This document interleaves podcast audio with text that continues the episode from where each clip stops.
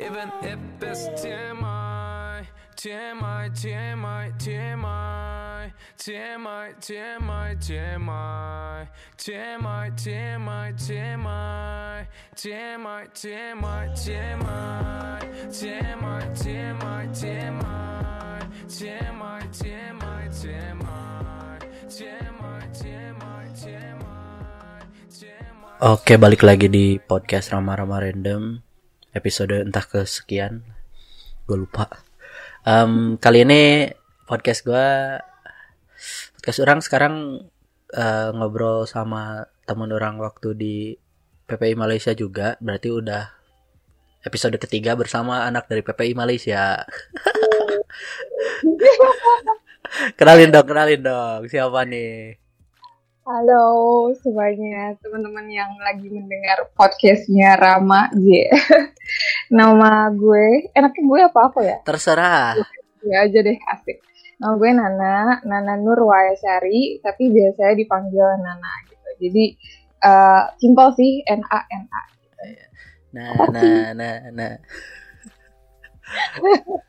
ya, ya. em, sekarang sibuk apa nak? Ah, lagi sibuk kerja, sambil kuliah, sama ngurusin organisasi kepemudaan aja. Tuh, ya hal itu aja sih. Muter-muter di situ aja gitu Ram. Kerja apa? Di mana? Kuliah apa? Di mana? Terus organisasinya apa? Di mana? Panjang. Iya. Ya, kalau kerja kebetulan eh, gue baru dapat eh, apa ya impian pekerjaan gue selama ini alhamdulillah. Jadi ternyata gue menemukan passion baru gue yang semenjak kecil tuh sudah terpendam gitu ram. Eh, nulis gitu. Gue jadi content writer di Jakarta Smart City eh, under pemprov DKI Jakarta gitu. Jadi Hmm. eh, di sana kerjanya nulis-nulis eh, layanan-layanan dan program-program DKI Jakarta termasuk di IG eh, dan juga di website dan lain sebagainya. Hmm. Kalau misalkan kuliah, sekarang alhamdulillah juga lagi lanjutin S2 di Ilmu Politik Universitas Nasional. Sebenarnya kalau S2 itu udah dimulai dari Maret 2019 yang lalu gitu. Jadi secara nggak langsung sudah satu tahunan sih. Dan insya Allah semester depan tesis kalau nggak ada halangan. Amin. kalau misalkan organisasi, kebetulan dari Februari 2020 kemarin lagi join organisasi teman yang udah ada lima tahun yang lalu. Tapi organisasi itu sebelumnya dia doang yang urus gitu. Jadi ketika Februari itu dia berpikir untuk merekrut orang-orang yang mana biar organisasi ini tuh eh, kepemudaannya sosial apa ya movement dari kepemudaannya tuh bakalan terus berjalan gitu jadi yaudah aku gabung dengan mereka eh, jadi deputy policy yang ngurusin tentang apa ya RUU atau undang-undang yang secara nggak langsung berkaitan dengan eh, nasib para pemuda di masa kini sama masa depan gitu. Nah di bawah wa- warga muda association ini juga eh, baru-baru ini kita bikin yang namanya Youth Thinkers Club. Nah Youth Thinkers Club ini tujuannya buat ngerangkul pemuda-pemudi eh, dalam lingkup internasional. Kalau warga muda sendiri kan channelnya udah banyak di nasional, jadi kita Mhm. pengen eh, di bidang, eh maksudnya di lingkup internasionalnya. Kayak gitu aja sih Ram. Apa? Bikin apa? You think apa? Youth Thinkers Club, You think cares not? Youth Thinkers Club ya dari Cares youth co- Oh, youth. thinkers. Oh, you Club. thinkers. Call. Iya, Alright, alright, alright. Alright, alright. alright. Oh, mantap, mantap, nak. Wah, gila. Tiga job loh. Tiga job loh, bro. Wow, wow, wow. Ayo. Iya, paling kayak gitu aja sih. Jadi Wah, tapi- kadang weekend tap- juga masih ya. Ini kan, ya maksudnya ada konten kreator, anak Hmm. master juga Hmm. sekarang masih berjibaku dengan kepemudaan gitu. Gila, gila, gila, gila. Nih, sebenarnya mau mau ngomongin eh gue penasaran tentang kepemudaan sih, nak. Kenapa sih milih-milih masih milih kepemudaan kan kita tidak akan selamanya pemuda asik. Benar. Oke, kenapa milih pemuda? Karena eh, menurut diskusi kami nih internal waktu itu eh, kenapa kita pengen majuin warga muda association ini karena pemuda tuh zaman zamannya orang masih idealis dan membara untuk Memajukan bangsa gitu kan. Karena ketika lo sudah menikah nanti perspektif lo udah beda nih. Yang kayak bukan idealis lagi Betul. bukan yang kayak gitu-gitu lagi. Jadi udah udah nggak ada waktu banyak untuk hal itu gitu.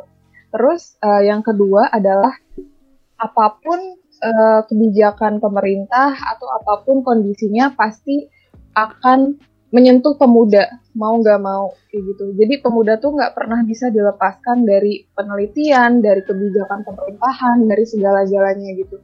Dan kalau misalkan kita ngarepin lansia, ya mereka pasti juga udah yang udahlah yang penting hidup damai aja tentram kayak gitu kan.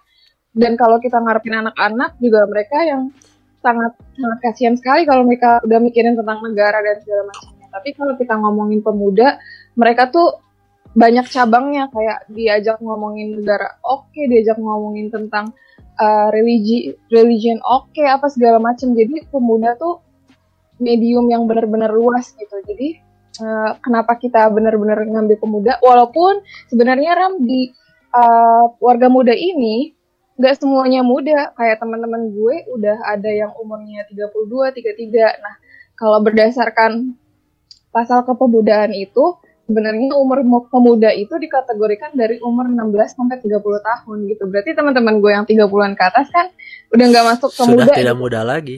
Iya, sudah tidak muda lagi kalau dalam menurut pasal gitu. Cuman um, jiwa kepemudaan mereka justru malah lebih kuat dibandingkan dede-dede yang masih umur 18 dan 19. Itulah Asik, dede-dede gemes. dede-dede gemes gitu kan jadi ya itulah kenapa tujuannya biar ada warga muda association ini biar kita tuh transfer rasa semangat itu ke anak-anak yang mungkin sebelumnya mikir ah, enggak gue hidupnya tiktokan aja udah seneng yang kayak gitu ibaratnya gitu. Karena yeah. kita masih banyak pemuda yang sadar akan hal itu. Yang penting gue yang kokang dulu dah pokoknya. Gue yang mamah muda gitu ya katanya. Aduh ya ampun.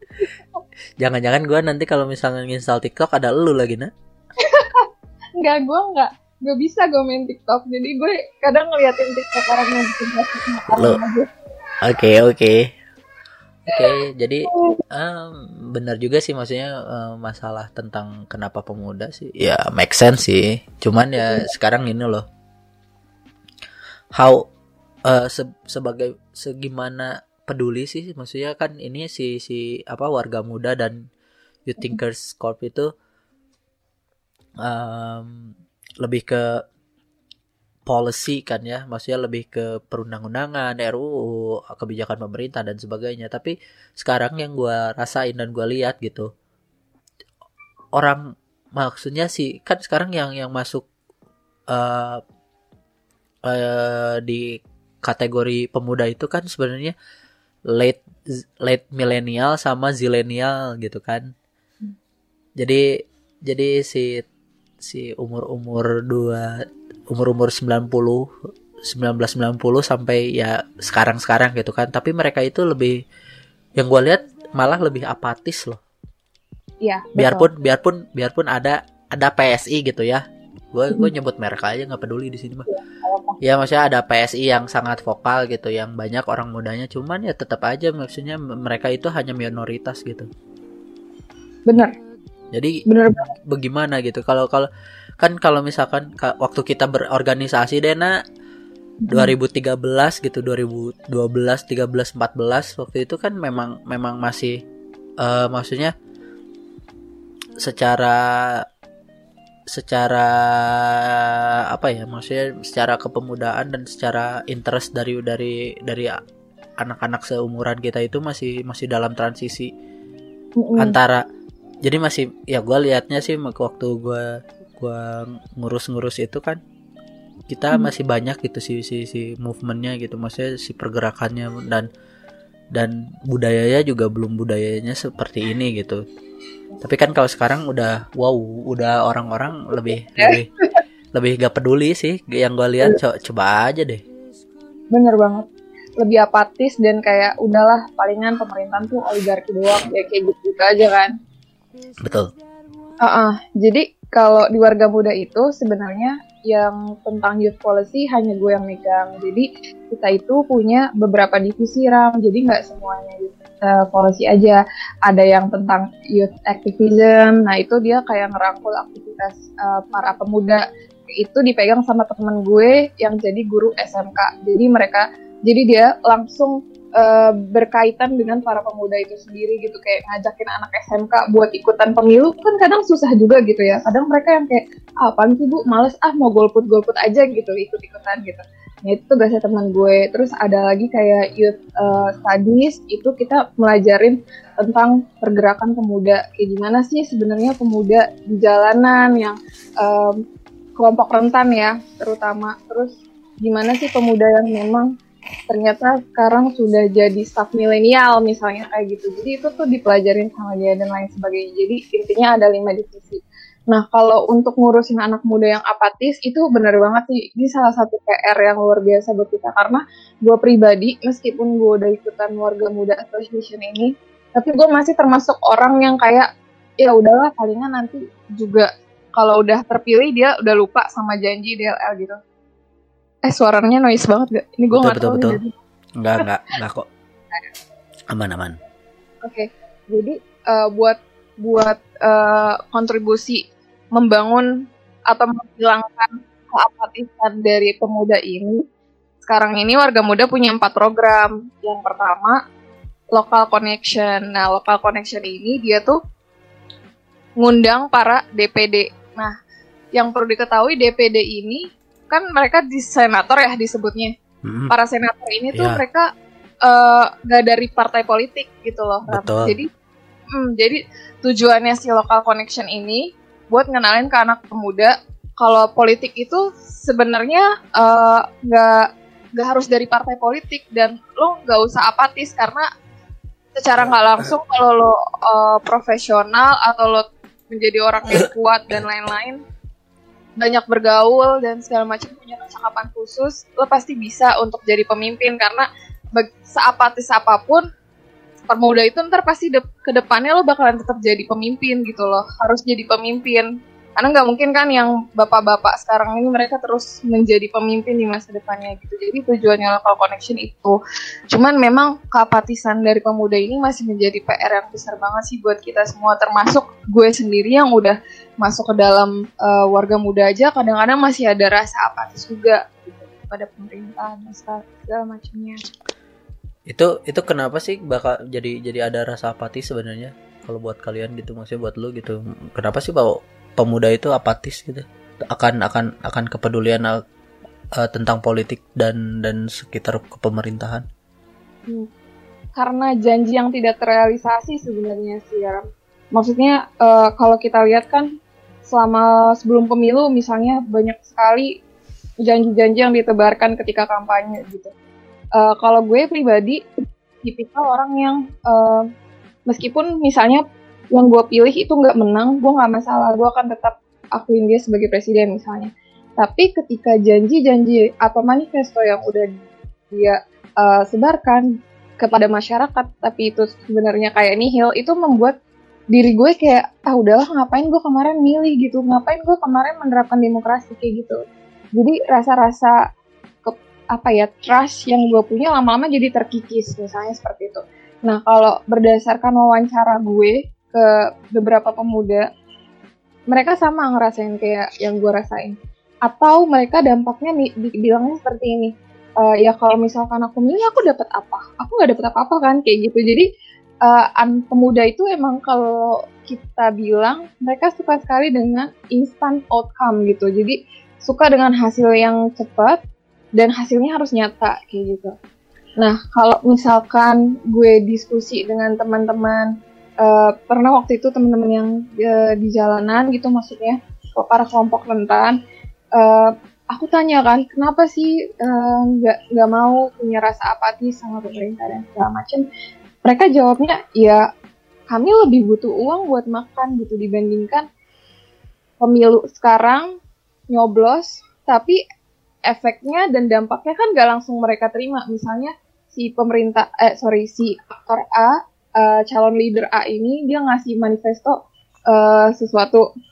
Misalnya manifesto ini ini tapi ketika dipilih kan nggak langsung nih si masyarakat ini atau si pemuda ini ngerasain uh, apa namanya efeknya kayak gitu. Jadi mereka lebih pengen ya urusan perut aja tuh susah gitu loh. Nah ini tuh sejalan ram sebenarnya sama pidatonya Prof. Budiono. Gue pernah baca jurnalnya Prof. Budiono Hmm. beliau, bilang gini uh, untuk membuat negara demokrasi benar-benar melek dengan demokrasi itu pertama kali yang harus dilakukan adalah urusan perutnya harus sudah dipenuhi.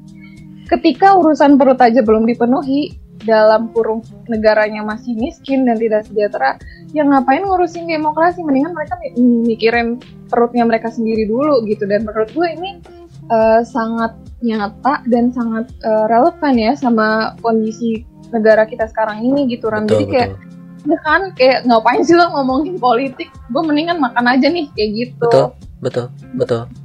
Kalau itu sih ya maksudnya itu sama mirip-mirip lah sama prinsip gue gitu. Kalau prinsip gue itu Hmm, lu nggak bisa nolong orang kalau lu kalau kita sendiri ah, masih perlu ditolong. Intinya Betul. gitu. Kayak gitu. Benar banget.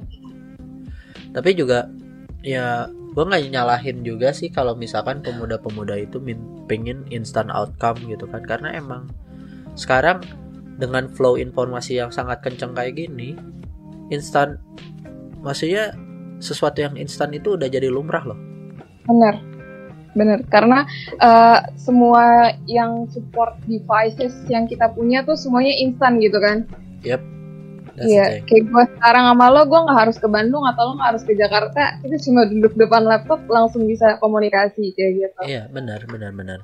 Ya makanya makanya itu sih maksudnya agak PR juga sih kalau misalkan makanya gua gua gua gua amazed sih maksudnya sama sama kalian gitu sama sama orang-orang yang masih uh, mengurusi tentang kepemudaan gitu karena karena ya itulah maksudnya um, pemuda zaman Soekarno zaman dulu yang sangat menggebu-gebu akan akan sumpah pemudanya dan juga janji-janji tentang kepemudaannya.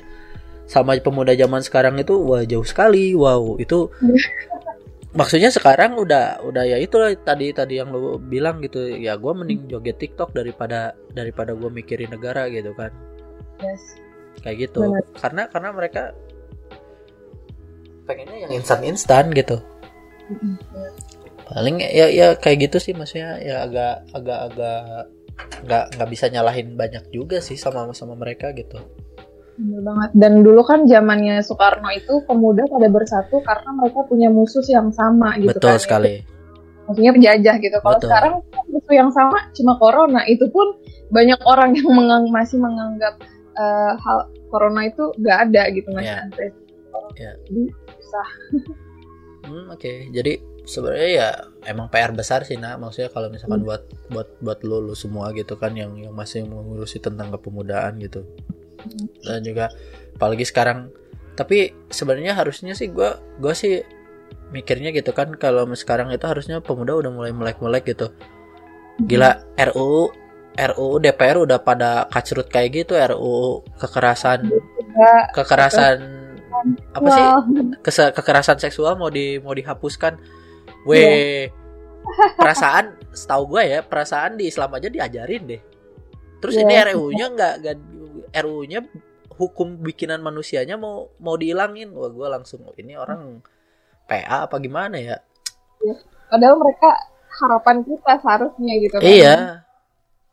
Tapi ya emang itu sih maksudnya gue gue juga kayak agak miris sih maksudnya eh, kenapa pemuda itu harus harus mulai ya paling sebenarnya kepedulian akan negara yang paling mudah itu ya itu sih kalau buat gue ik- ikutan milih ketika mereka udah eh, udah udah bisa milih gitu.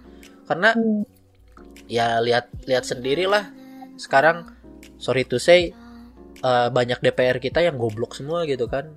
Maksudnya mereka mereka cuman cuman dapat dapat dapat gaji dari uang pajak kita tapi kerjaan mereka nggak di nggak di itu apa sih maksudnya nggak nggak dijalanin dengan baik gitu itu gua nggak nggak bisa nyalahin mereka juga mereka bisa bisa duduk di DPR gitu karena banyak orang yang masih nggak milih gitu Benar, benar banget. Karena keapatisan yang tidak didorong menjadi positif ini gitu ya. Jadi Iya. kayak ya udah, udah buruk tambah ada apatis ya udah makin makin curam lah gitu. Iya. Iya. Makanya makanya gue kadang ke, agak agak kesel sih sama orang-orang yang yang tiba-tiba ah, gue uh, sedikit-dikit nyalahin pemerintah dikit-dikit nyalahin pemerintah iya iya nyalahin pemerintah itu paling gampang karena ya paling gampang itu nyalahin eksternal gitu cuman ya gini loh mikirnya gini oke lu sangat peduli dengan dengan dengan dengan pemerintahan gitu kan dengan dengan apa pun itu gitu. Dan lu lu udah udah memilih dan sebagainya. Apakah teman-teman lu atau apakah lu udah udah me, me, menyelesaikan kewajiban biar teman-teman lu juga milih? Biar teman-teman lu juga awas akan politik? Biar teman-teman lu juga peduli akan akan itu? Jadi jadi ya kalau kata si kalau kata uh, gubernur gue yang sekarang gubernur kita yang sekarang asik. Jawa Barat ya. Iya gubernur kita yang sekarang gitu kan. Ya, kita iya. kita nggak bisa nyalahin suatu sistem kalau kita masih ada di dalam sistem itu gitu. Benar. tapi ya maksudnya orang-orang Indonesia itu ya ya sorry itu saya ya gue gua sendiri masih merasa goblok gitu. Gue hmm. sendiri ya. Berarti ya ya semuanya ya banyak masih banyak yang goblok aja sih orang Indonesia gitu. Jadi agak bingung sih. Agak susah sih. PR-nya banyak sih sebenarnya. Kayak kita tuh semua semua elemen masyarakat harus sama ya baik yang masyarakat atau yang pemimpin gitu kan bener banget sih Ram. Kita yeah. juga fenomena ya kayak temen gue yang guru SMK ini kalau mereka kalau dia di kelas lagi ngomongin tentang pemilu karena dia guru PPKN kebetulan Ram. Itu tuh anak-anaknya udah pada yang kayak aduh tuh ngapain sih ngomongin itu? Kayak gitu loh. Jadi iya. Mending mending kita bikin TikTok gitu kan iya padahal mereka ini pemilih awal nanti jadinya kan. Iya. Yang bakalan uh, udah mulai milih. Dan suara pemuda tuh paling paling kuat banget. That's why kenapa pas 2019 kemarin kedua calon itu kan mereka benar-benar ngedeketin pemuda milenial. Karena ya kalau dapetin suara dari milenial tuh mereka udah bener-bener laki banget gitu. Jadi sayang banget sih kalau misalkan pemudanya masih tetap apatis tapi sebenarnya ya langkah konkret apa sih yang bisa maksudnya yang yang kalian lakukan gitu kan? Maksudnya yang mm. yang yang secara statistik ada impactnya gitu. Yang bikin mm. bikin at least pemuda itu mulai mulai aware mulai mulai awas gitu. Dan dan secara lu kan sekarang uh, lagi master ilmu politik nih. Betul. Ya mungkin ada ada mungkin caranya gitu kan yang biar bisa at least uh, mungkin pendengar-pendengar juga uh, yang tadinya apatis at least oh, gua gua mau mulai care gitu. Gua pengen mulai care akan politik gitu. Karena sebenarnya uh, yang gua tahu sih di di orang-orang awam ya itulah hmm. salah satunya uh, politik is not satu mereka berpikiran ribet. Dua mereka itu ya hmm. lebih lebih lebih penting memikirkan dirinya sendiri dulu gitu. Kayak gitu oh. iya iya. Jadi bener banget apa tuh langkah konkretnya dan apa sih maksudnya secara secara keilmuan yang bisa dilakukan gitu? Hmm. ini kalau emang uh, kita lihat pemuda yang dulu zamannya insinyur Soekarno tuh mereka kolektif ya uh, tipikalnya. Kalau yang sekarang tuh lebih individualistik gitu. Gue maju gue seneng dan yang lain gak gue ajak misalnya kayak gitu kan. Nah, kalau langkah konkret, uh, ini kan sebentar lagi mau pilkada nih, pemilihan kepala daerah. 2020 Itu, ya? Yes, 2020. Sebenarnya seharusnya deket-deket ini Ram, tapi karena corona, jadi pemerintah udah ngeluarin uh, undang-undang baru, undang-undang ya, kayak peraturan uh, perpu gitulah. Uh. Uh, itu akan dilaksanakan 9 Desember 2020 jadinya. Nah, menuju beberapa bulan uh, beberapa bulan menuju Desember warga muda itu dimulai bulan lalu sudah buat acara namanya warga muda jaga pilkada. Nah kebetulan ini dipegang sama koordinator uh, temen gue yang kerja di KPU Jakarta Selatan. Dia di warga muda megangnya uh, youth studies deh kalau nggak salah. Nah tujuannya warga muda jaga pilkada ini tuh buat ngasih tahu ke pemuda uh, ini loh lo tuh harus lo sebagai pemuda lo harus jaga pilkada karena pilkada itu kan juga banyak banget ya yang namanya korupsi-korupsi gitu kayak mm, kayak kemarin itu gue abis bikin paper yang mana banyak banget kayak bupati-bupati gubernur-gubernur mereka terjerat sama korupsi karena karena satu ram biaya pemilu dan biaya pilkada itu sangat mahal ya. jadi ternyata buat maju untuk di pilkada itu harus uh, berapa ya kemarin tuh? Minimal 50, berapa?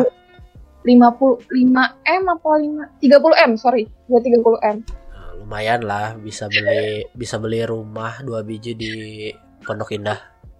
Di Pondok Indah ya kan? Jadi kalau katakanlah gue pengen maju pilkada sebagai pemuda yang pengen jadi pemimpin masa depan.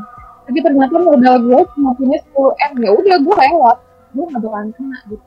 Nah gimana caranya si calon-calon ini bisa nutupin modal mereka caranya adalah mereka dideketin atau mendekatin para pengusaha yang bisa modalin dia buat maju dan menang. Nantinya ketika dia menang dia tuh bakalan ngasih imbalan ke para pengusaha itu. Misalnya ngasih izin usaha dengan cepat atau ada kasus swap dan lain sebagainya. Itu dinamakan rent seeking kan? Nah Yap. jadi jadi tuh emang sebenarnya dari awal tahapan demokrasi kita aja udah salah gitu. Orang orang di, diharapkan untuk jadi pemimpin diharapkan untuk menjaga demokrasi. Buat menerapkan itu aja sangat mahal. Jadi warga muda jaga pilkada ini juga kita ngebahas tentang gimana sih protokolnya pilkada nanti sama corona gitu. Jadi kemarin tuh hari Jumat udah dibahas sama eh, pelaksana eh, pelaksana pilkada Hah? dari KPU enggak. Eh, jadi nanti tuh saat kita mem- memilih di TPS itu Iya, iya, bakalan iya, iya. dikasih eh, sarung tangan ram. Sarung tangan eh, setiap orang. Terus nanti juga harus pakai masker dan menggunakan protokol yang sebagainya. Jadi gimana caranya? Kan gini ada nggak ada pandemi aja orang kadang males mau ke TPS buat milih. Bener nggak? Betul. Apalagi ada betul. pak kayak ya udah nggak ma- males ah ada corona atau segala macam gitu jadi di warga muda Jakarta Pilkada kemarin kita udah ngebahas dan gimana caranya sih buat meyakinkan orang tua kita yang katanya rentan kelompok rentan ke terpapar COVID kan lansia katanya kelompok yang rentan ya kata WHO gimana caranya meyakinkan mereka secara psikologis tapi kalau misalkan secara statistik nih Ram dari dampaknya gue Hmm. rasa belum Hmm. terlalu karena kita itu baru mulai aktif gerak Februari 2020 kemarin. Gitu. Oh oke oke oke. warga muda sendiri udah ada dari lima tahun lalu. Cuma untuk gerak secara aktifnya merekrut orang segala macamnya itu baru Februari. Oh, Oke. Em, gimana ya? Maksudnya ya well ya itulah. Maksudnya ya salah satu langkah konkretnya ya kan sekarang gitu kan. Cuman sekarang gua gua sih lebih ke gimana ya? Em, apa sih yang yang yang langkah simpel gitu kan? Itu kayak kayak mak- maksudnya kalau misalkan eh, peduli akan akan politics and stuff gitu kan tentang kebijakan kepemerintahan dan sebagainya gitu kan. Apa sih yang langkah paling simpel yang bisa dilakuin sama pemuda Indonesia gitu kan untuk untuk numbuhin gitu rasa-rasa kepedulian akan akan negaranya sendiri gitu kan? Eh, apa sih apa yang bisa dimulai gitu sebenarnya gitu kan di di masa sekarang gitu dengan dengan karakteristik pemuda yang pemuda sekarang gitu. Mm-mm, benar. Em, kalau misalkan pemuda zaman sekarang sebenarnya lebih suka yang eh, visual ya, kayak TikTok kan juga salah satu hal visual. That's why banyak banget pemuda yang suka gitu kan, kayak dia ngeliat video TikTok ini tertarik, akhirnya dia ikutin kayak gitu kan. Nah Betul. sebenarnya salah satu caranya ya juga lewat virtual itu juga sih. Nah kalau lagi pandemi kayak gini, eh, gue cukup merasa bahagia ketika banyak sekali webinar webinar webinar yang hadir gitu dengan berbagai tema. Ada yang membahas tentang eh, make up, terus eh, keagamaan, bahkan sampai politik lain sebagainya gitu kan. Jadi menurut gue ini adalah eh, cara yang konkret buat para pemuda tetap mencintai negara mereka dengan cara ikut-ikutan seperti ini gitu Ram. Aha, Nah. aha. Diharapkan webinar-webinar itu juga tetap menanamkan nilai-nilai nasionalisme karena gue rasa nilai nasionalisme kita tuh udah mulai terkikis lama-lama.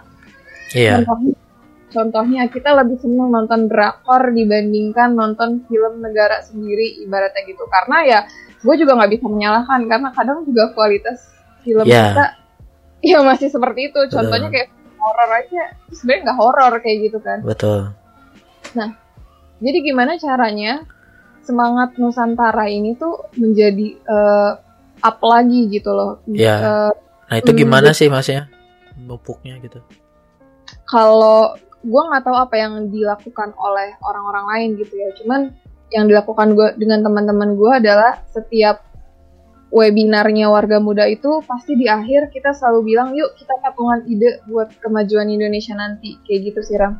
Jadi kalau apa yang dilakukan sama para pemuda atau asosiasi lain uh, to be honest kita nggak tahu. Uh, dan gue pun juga clueless gitu. Cuman apa yang gue tahu sekarang dengan apa yang gue lakuin sekarang gitu. Nggak nggak nah uh, yang gue tanyain sih gini nah maksudnya ya uh, that's that's that's uh, Mm-mm. yang tadi itu I mean like uh, yang tadi itu lu emang uh, cara salah satu cara gitu tapi buat Oh. orang awam nih buat orang awam yang ah gue nggak peduli webinar gue nggak peduli apa gue nggak peduli apa gitu gimana sih caranya biar biar dia uh, apa ya maksudnya biar dia mulai peduli deh sama sama negaranya sendiri gitu apa yang bisa dia lakuin hal simple apa yang bisa laku dia lakuin biar biar numbuhin itu gitu Oke, kalau simpelnya ya, berarti menjaga kolektivisme sih, Ram, menurut gue.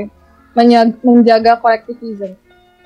Jadi Ko- kolektivisme itu apa eh, ke- apa ya, kolektivisme tuh kayak kalau individualistik kan sendiri-sendiri. Betul. Jadi kalau kolektivisme tuh kayak bareng-bareng. Nah, ah tapi kok tapi masih banyak kok anak-anak nongkrong gitu nah itu dia. Jadi anak-anak nongkrong ini sebenarnya juga bagus, Ram. Asalkan mereka itu sama-sama saling berbicara tentang eh, negara gitu.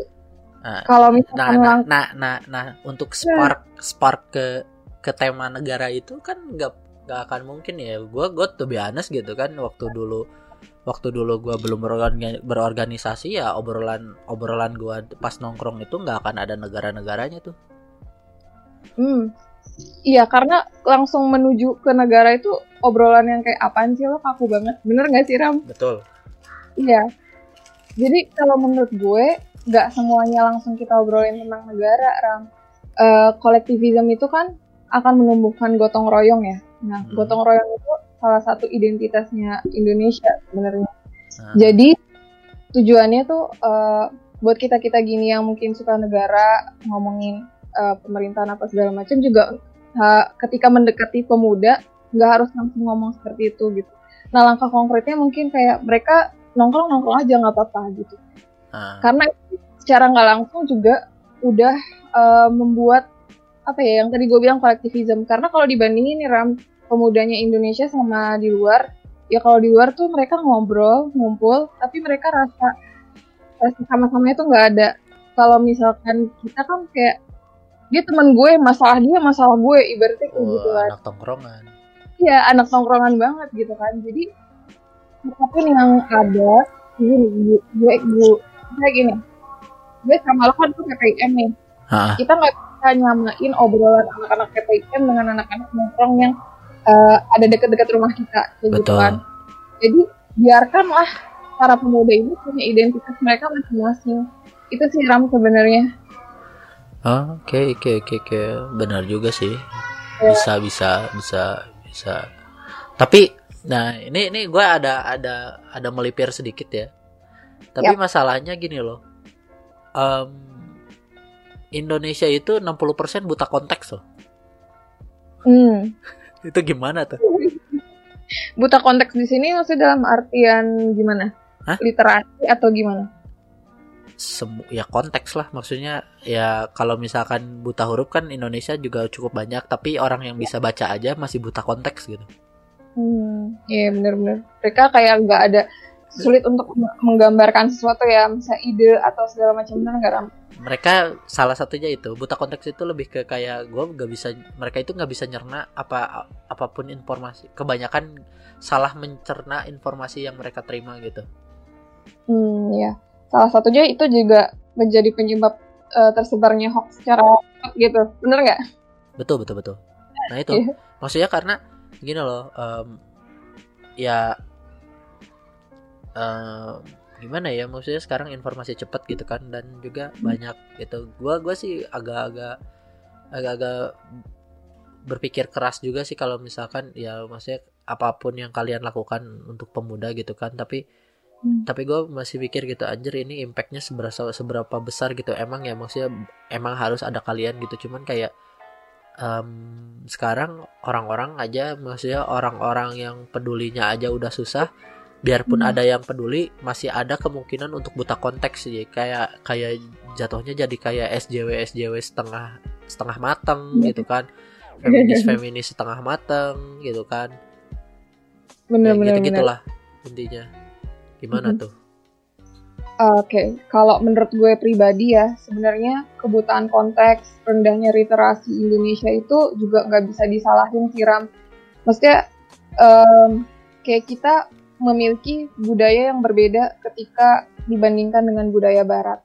Budaya Barat itu orang tua sebelum meninabobokan anaknya, mereka itu pasti bacain buku cerita.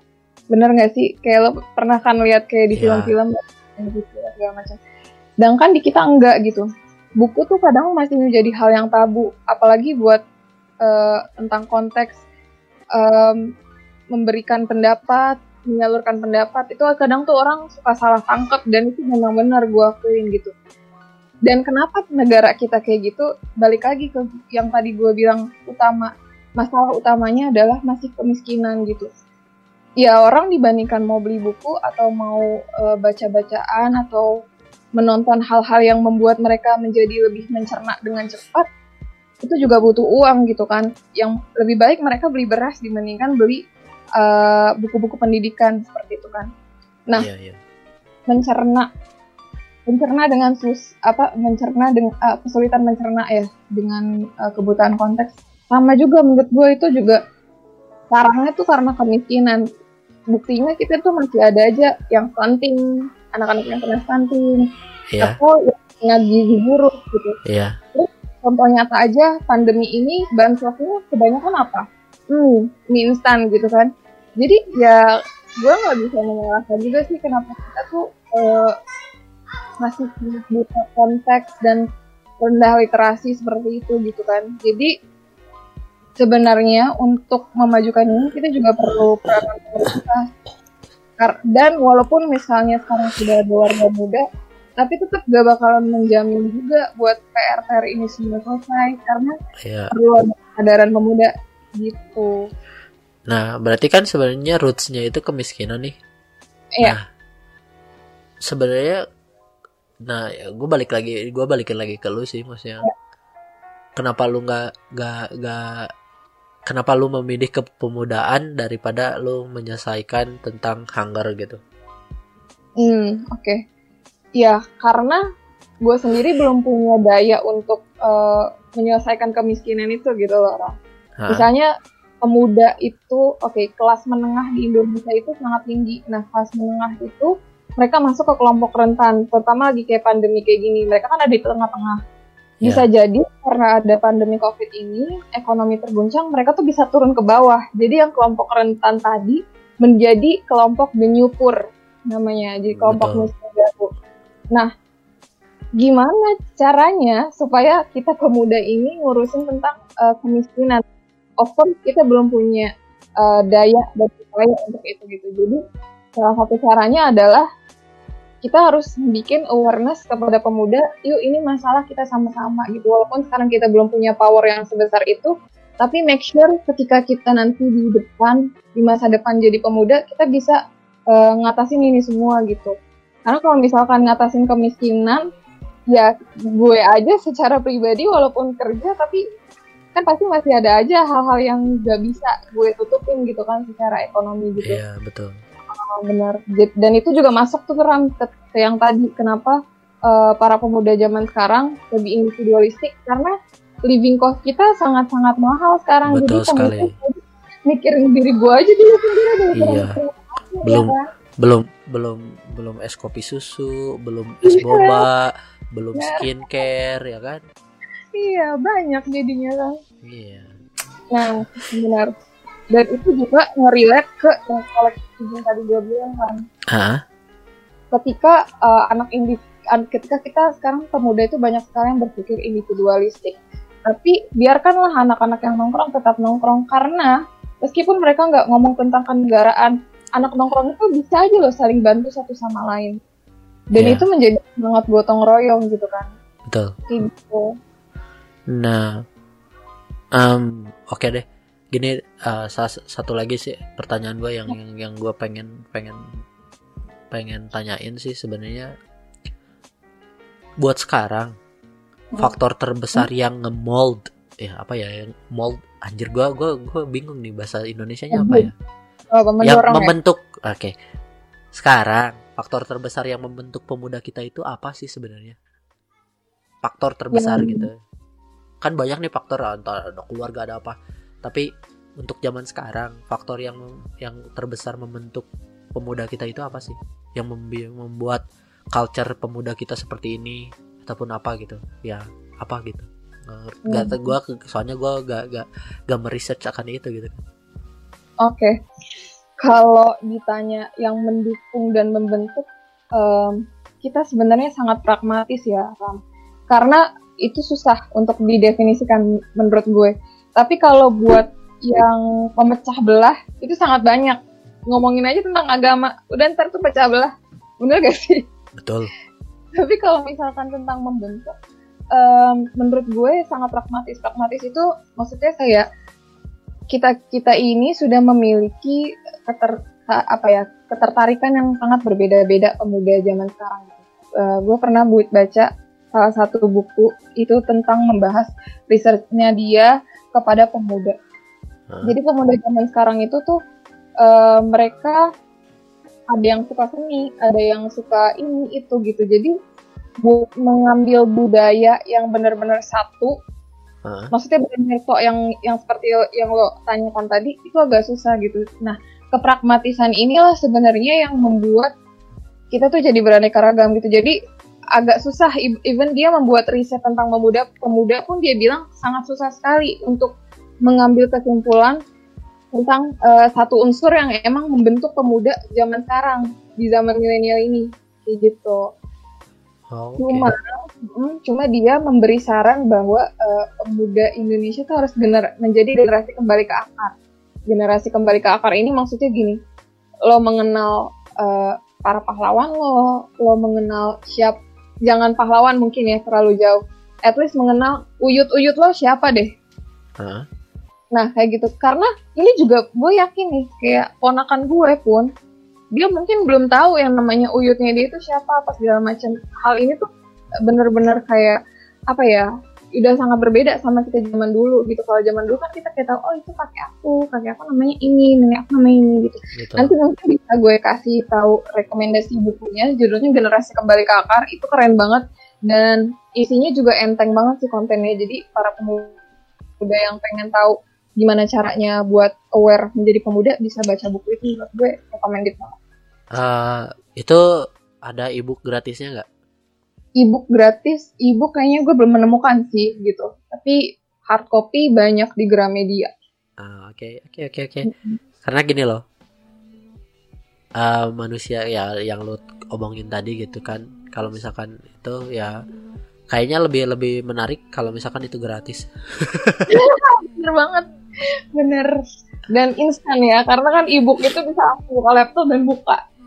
Betul bisa bisa di bisa disimpan di di itu ya di HP lah at least. HP. Bener banget.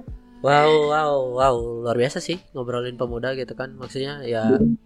gue sendiri yang udah ngerasa tidak pemuda lagi gitu udah mulai mulai masuk ke fase-fase yang ya udah sih gue harus execute execute gitu bukan bukan lebih ke idealism gitu. Gue lebih ke reality gitu kan sekarang. Ya hmm. seneng aja sih maksudnya karena gue juga kan dulu kita kita kita dulu kan ngurusin kepemudaan juga kan maksudnya. Iya bener banget. Ya lumayan lah reminiscence lah. Bener aduh. Reminiscence lah. Beruntung juga ya dulu kita gabung di PPN seenggaknya ada kenangan oh dulu gue pernah begini kayak gitu gitu kan. Iya betul betul betul. Um, ya gue sih ya maksudnya gue gue bisa bisa bisa bisa simpulin dari dari obrolan kita sekali ini sih emang ya yang nopang yang nopang apa sih namanya negara kita itu salah satunya yang paling besar itu pemuda. Cuman ya um, best effortnya itu ya sekarang yang dilakuin kalian itu emang paling maksudnya salah satu effort yang oke okay gitu kan.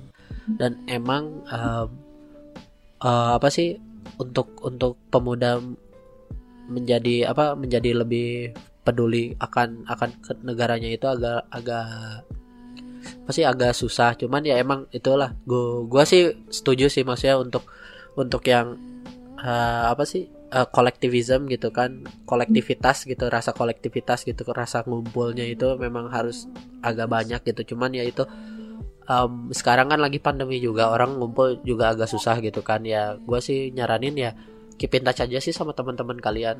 Kalian gue gua gua gua tahu gitu kan pendengar-pendengar mungkin ataupun punya adik ataupun punya itu yang masih muda gitu kan yang masih umur late late millennials early zillennials gitu kan mereka. Ya ya suruh keep in touch aja sih sama teman-temannya gitu kan. Maksudnya ya jadilah anak tongkrongan yang baik lah gitu kan ya, intinya itu sih. kesehatan ya iya iya. Jadilah anak tongkrongan yang baik. Dan juga gue sih uh, nitip aja sih buat buat pendengar semua gitu kan. Untuk ya at least lu jangan apatis lah. At least lu lu tahu akan akan apa sih? Akan perkembangan sistem yang lu berada di dalamnya gitu at least gitu kan. Karena karena itu juga bakal bakal jadi mempengaruhi kehidupan kalian juga gitu hmm, paling itu sih Ya nggak nak? Ada lagi nggak nak yang mau diobrolin nak? Apalagi ya? Um, menurut gue ya selain apatis di masa pandemi kayak gini, kolektivisme juga sangat dibutuhkan ya buat yang pada punya rezeki lebih mungkin membeli barang dagangan teman-temannya gitu karena uh, seperti krisis moneter 8 tahun 98 dulu kan UMKM itu termasuk sektor yang masih tetap bertahan gitu. Jadi yuk para pemuda juga saling dukung usaha temennya.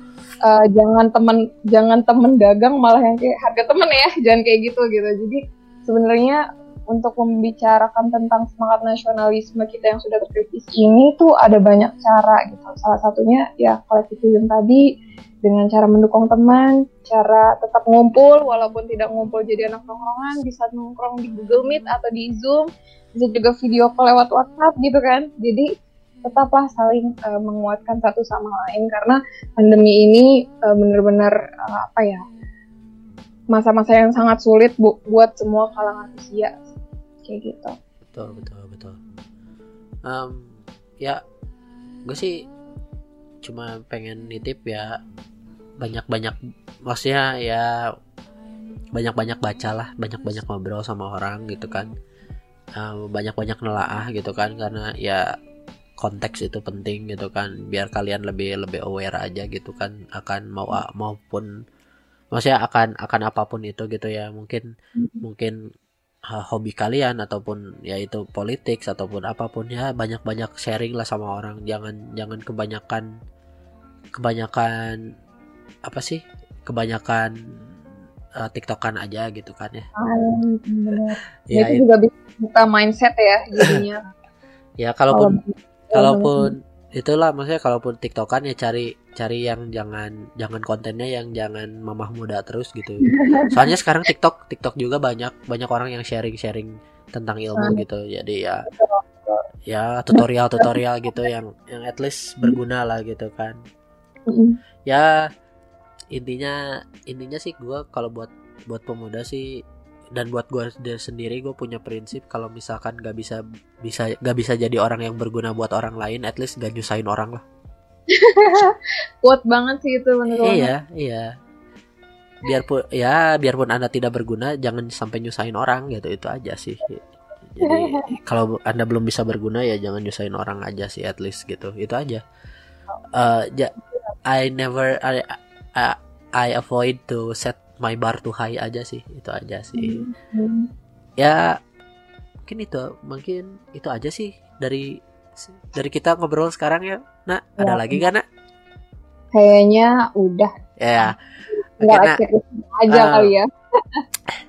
Oke okay. uh, sebenarnya tradisi di di podcast gue itu biasanya ya ya ngerekomendasiin sesuatu yang bisa bikin pendengarnya bahagia gitu kan. Mau itu apa pun itu um, uh, mungkin lo ada gitu selain buku yang tadi Oke. ataupun apa film kayak drakor kayak mau apa kayak terserah mau musik kayak mau mau kegiatan kayak apa kayak terserah Oke, kalau misalkan teman-teman eh, yang suka baca buku bisa baca yang tadi generasi kembali ke akar.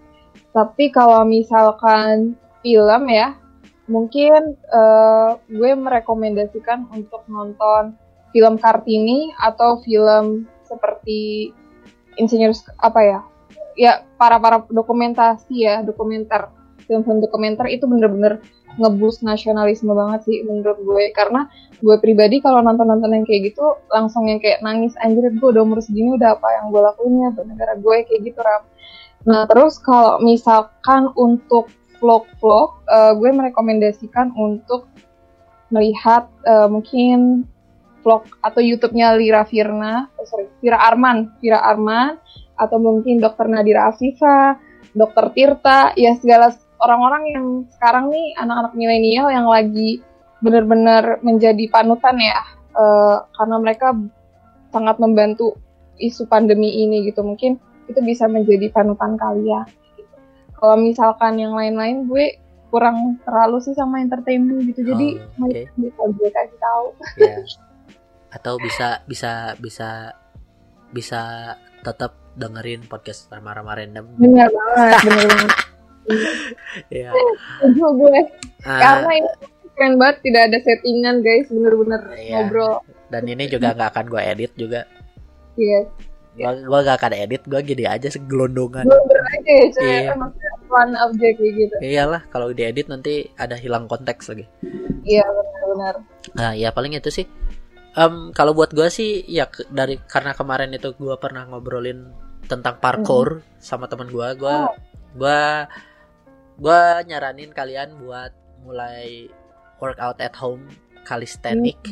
Calisthenic namanya? Calisthenic kalis calisthenic apa calisthenic gitu ya.